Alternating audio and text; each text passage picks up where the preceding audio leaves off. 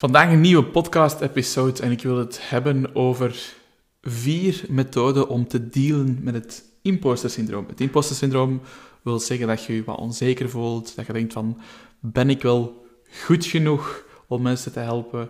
Ik heb nu alle diploma's gehaald, maar heb ik voldoende ervaring? Zelfs na al die ervaring, ben ik wel de beste persoon om deze mensen te gaan helpen? Wil eigenlijk zeggen, de twijfel, ben ik wel goed genoeg? En dat imposter-syndroom dat bestaat om verschillende redenen. Zoals ik net ook zei, misschien voel je je nog niet goed genoeg. Misschien heb je na vijf diploma's het gevoel dat je er nog vijf extra moet gaan halen. Misschien vergelijk je jezelf wel te veel met andere coaches die misschien al tien jaar ervaring hebben. En dat zijn allemaal zaken die ervoor zorgen dat we gaan twijfelen.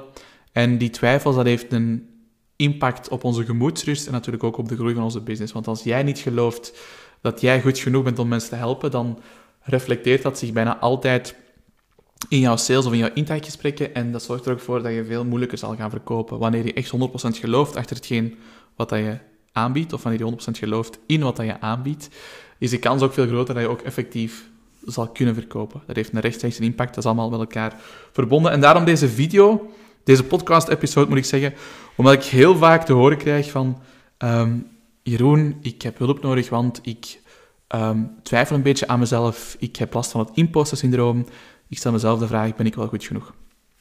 En soms is dat misschien terecht, omdat soms iemand geen certificaat personal trainer heeft of misschien nog geen ervaring heeft. En dan is het misschien normaal dat je je in het begin een imposter voelt. Maar 90% van de gevallen is het niet terecht en zijn dat personal trainers met heel veel jaren ervaringen, met heel veel goede opleidingen, mensen met heel veel kennis, met heel veel know-how, die gewoon aan zichzelf twijfelen. En voor die andere groep, die andere 10%, die pas startende zijn of misschien nog geen opleiding gevolgd hebben, um, iedereen moet ergens beginnen. Dat mogen we nooit vergeten. Ook die persoon waar jij naar opkijkt, die al 20 jaar in de branche zit, die misschien al heel mooie zaken bereikt heeft met zijn of haar zaak, die al 200 transformaties doorgemaakt heeft met verschillende klanten. Die mensen zijn ook ergens gestart. En dat mogen we nooit, nooit vergeten. Ook al is dat misschien nu niet meer zichtbaar, die startperiode. Maar dus vier tips om beter te kunnen dealen met het imposter-syndroom. Laten we beginnen met tip nummer 1. Tip nummer 1 is accepteer dat het normaal is dat je, de, dat, je dat imposter-syndroom dat je dat regelmatig ervaart, want dat is voor 70% van de mensen het geval. 70% van de mensen ervaart regelmatig dat imposter-syndroom. En ik moet eerlijk toegeven dat ik daar zelf soms ook nog last van heb. Er zijn periodes in uw business waarin alles goed gaat, waarin uw klanten resultaten boeken, waarin dat alles lijkt mee te vallen. En er zijn ook periodes waarin dat dan een keer één of misschien zelfs twee weken een aantal tegenslagen elkaar heel snel opvolgen. Een klant die een keer niet tevreden is, uh, jij die begint te twijfelen aan je eigen vaardigheden, misschien dat jij misschien een paar keer een fout maakt, en dan begin je al snel te twijfelen aan jezelf. En dat is perfect normaal. Nogmaals, dat is voor 70% van de mensen het geval. Dus die andere 30%, dat zijn eigenlijk de rare gevallen. Nee, die zijn ook normaal, maar het is perfect normaal dat je dat regelmatig ervaart. En het erkennen dat het normaal is, dat is al een grote stap om het ook te overwinnen. Want dan kan je gaan nadenken van oké, het is nu zo, ik ervaar dat op dit moment, ik bevestig voor mezelf dat ik dit nu voel, en dan kan je gaan nadenken, hoe kan ik dit voor mezelf oplossen? En de volgende drie tips die ik ga geven zijn eigenlijk oplossingen voor het probleem. Maar stap 1 is het sowieso erkennen. Erkennen dat het normaal is en dat het oké is dat je regelmatig dat imposter-syndroom ervaart. Um, dan het tip, hoe, dat, hoe kan je daarmee omgaan? Drie tips liever. Wel, mijn favoriete advies is altijd investeer in zelfontwikkeling. Ja. Wat ik zelf doe als ik twijfel aan mezelf of, of twijfel aan, aan, iets wat ik toepas, is ik koop een cursus, ik koop een boek, ik, ik schakel een coach in over dat topic, om bij te leren over dat specifieke topic waar ik over twijfel. En ik ga ook een voorbeeld geven. Um, onlangs zagen wij een enorme stijging in de kost per lead in onze advertentiecampagnes. We hadden zelfs een paar campagnes die niet winstgevend waren um, voor onze klanten. Dus we het dan wel opgelost door iets langer te adverteren voor hun op onze eigen creditcard tot ze winstgevend waren. Dat is ook een garantie die we bieden in onze marketingcampagnes. En um, ik begon dan een beetje te twijfelen van oké, uh, met die nieuwe iOS-update. Ik heb dan workshops gevolgd, webinars gevolgd om die iOS-update correct te overwinnen en alle accounts juist in te stellen. En dan had ik toch maar twee extra Facebook-advertentiecursussen aangekocht, twee korte cursussen, ook nog eens een extra webinar bijgewoond waar ik ook voor betaald had, om toch maar even te gaan checken van oké, alles wat ik toepas, is dat wel correct? En de beste tip om dus dat impost-syndroom weg te werken, of wanneer je het gevoel hebt van ben ik wel goed genoeg, is wekelijks voldoende tijd voorzien voor zelfontwikkeling. Ja. Wanneer ik elke week tijd voorzie voor zelfontwikkeling, dan heb ik zelden of nooit last van dat imposter-syndroom.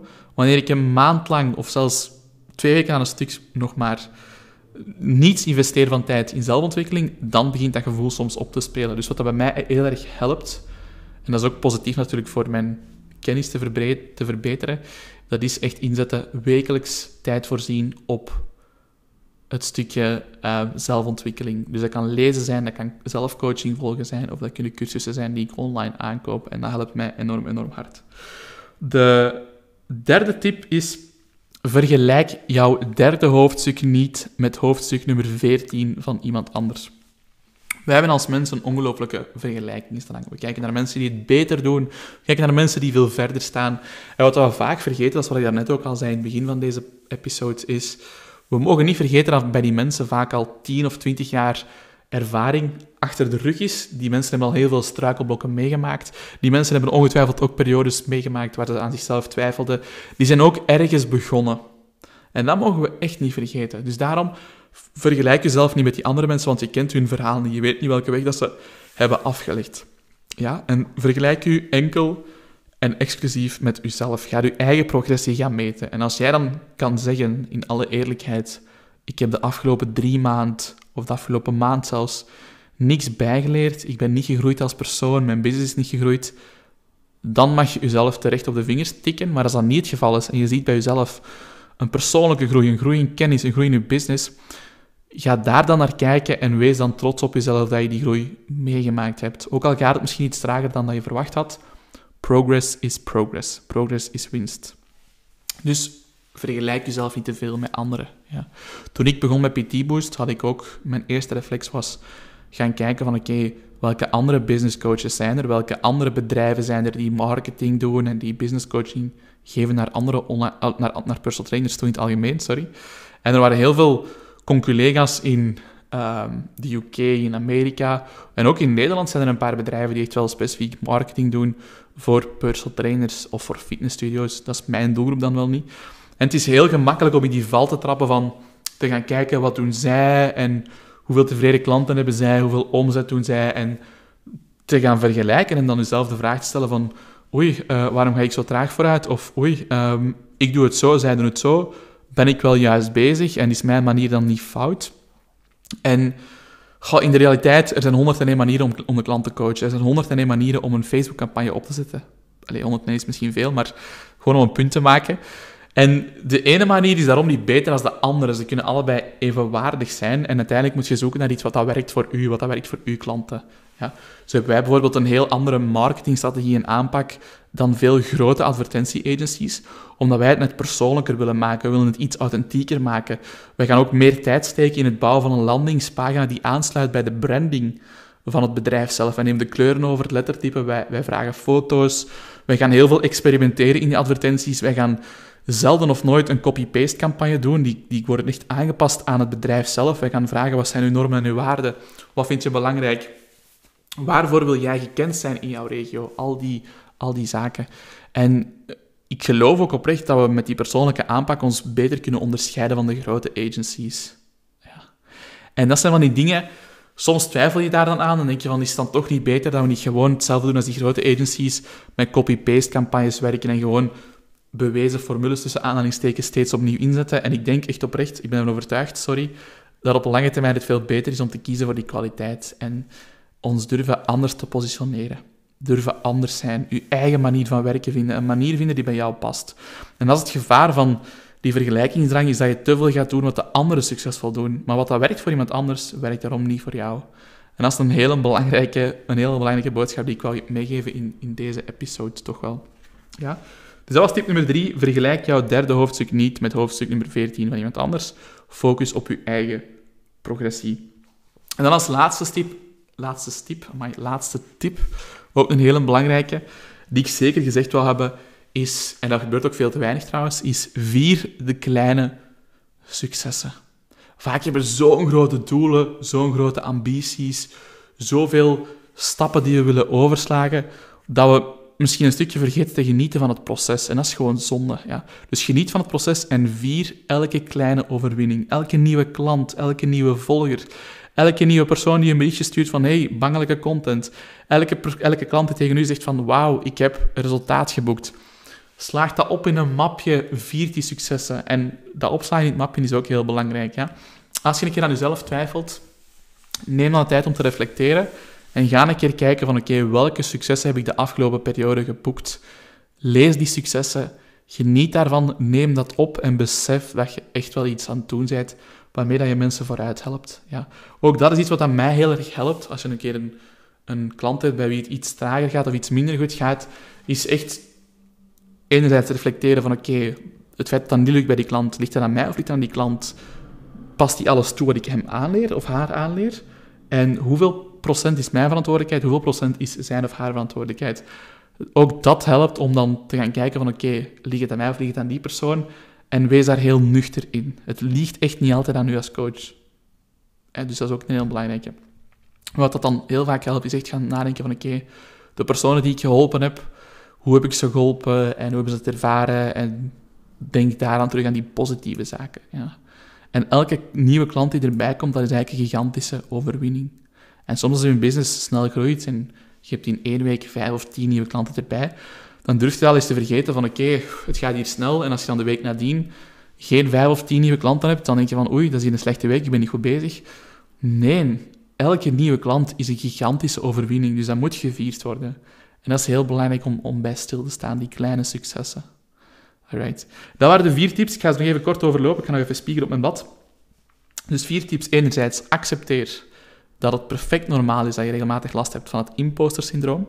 Dat 70% van de mensen daar zelfs mee kampen met regelmaat, inclusief ikzelf. Tip nummer 2. Maak wekelijks tijd voor zelfontwikkeling. Investeer in jezelf en uw kennis. Dat is eigenlijk een van de beste methoden, wat dat voor mij gigantisch gewerkt, is investeren in kennis.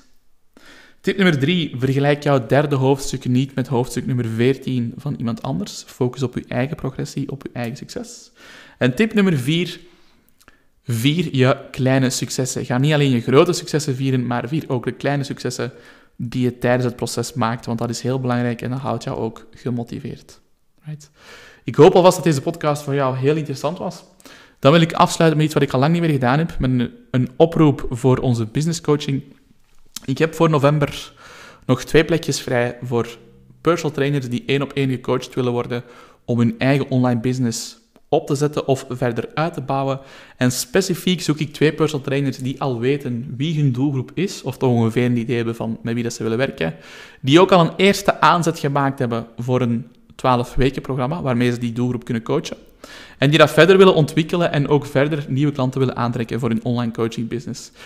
Die online coaching of die business coaching is alleen geschikt voor jou als jij de ambitie hebt om minstens 1000 euro per maand extra te verdienen. Als jouw ambitie lager ligt dan dit, dan is het niet de moeite om daarin te investeren, in die business coaching. En dan heb ik liever dat je ergens anders hulp zoekt. Ga ik gewoon heel eerlijk in zijn. Je moet echt wel een beetje ambitie hebben om daar meer uit te halen.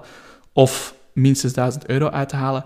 Als dat voor jou het geval is, dan mag je mij een berichtje sturen met business. En dan bezorg ik jou vrijblijvend meer informatie. En als daaruit blijkt dat je interesse hebt, dan nodig ik jou uit voor een gratis strategie-sessie. Het is al enkele maanden geleden dat ik deze call to action nog gedaan heb, omdat de laatste maanden het heel druk is geweest met verschillende projecten en we eigenlijk geen tijd hadden, of ik geen tijd had om er nog business coaching bij te nemen.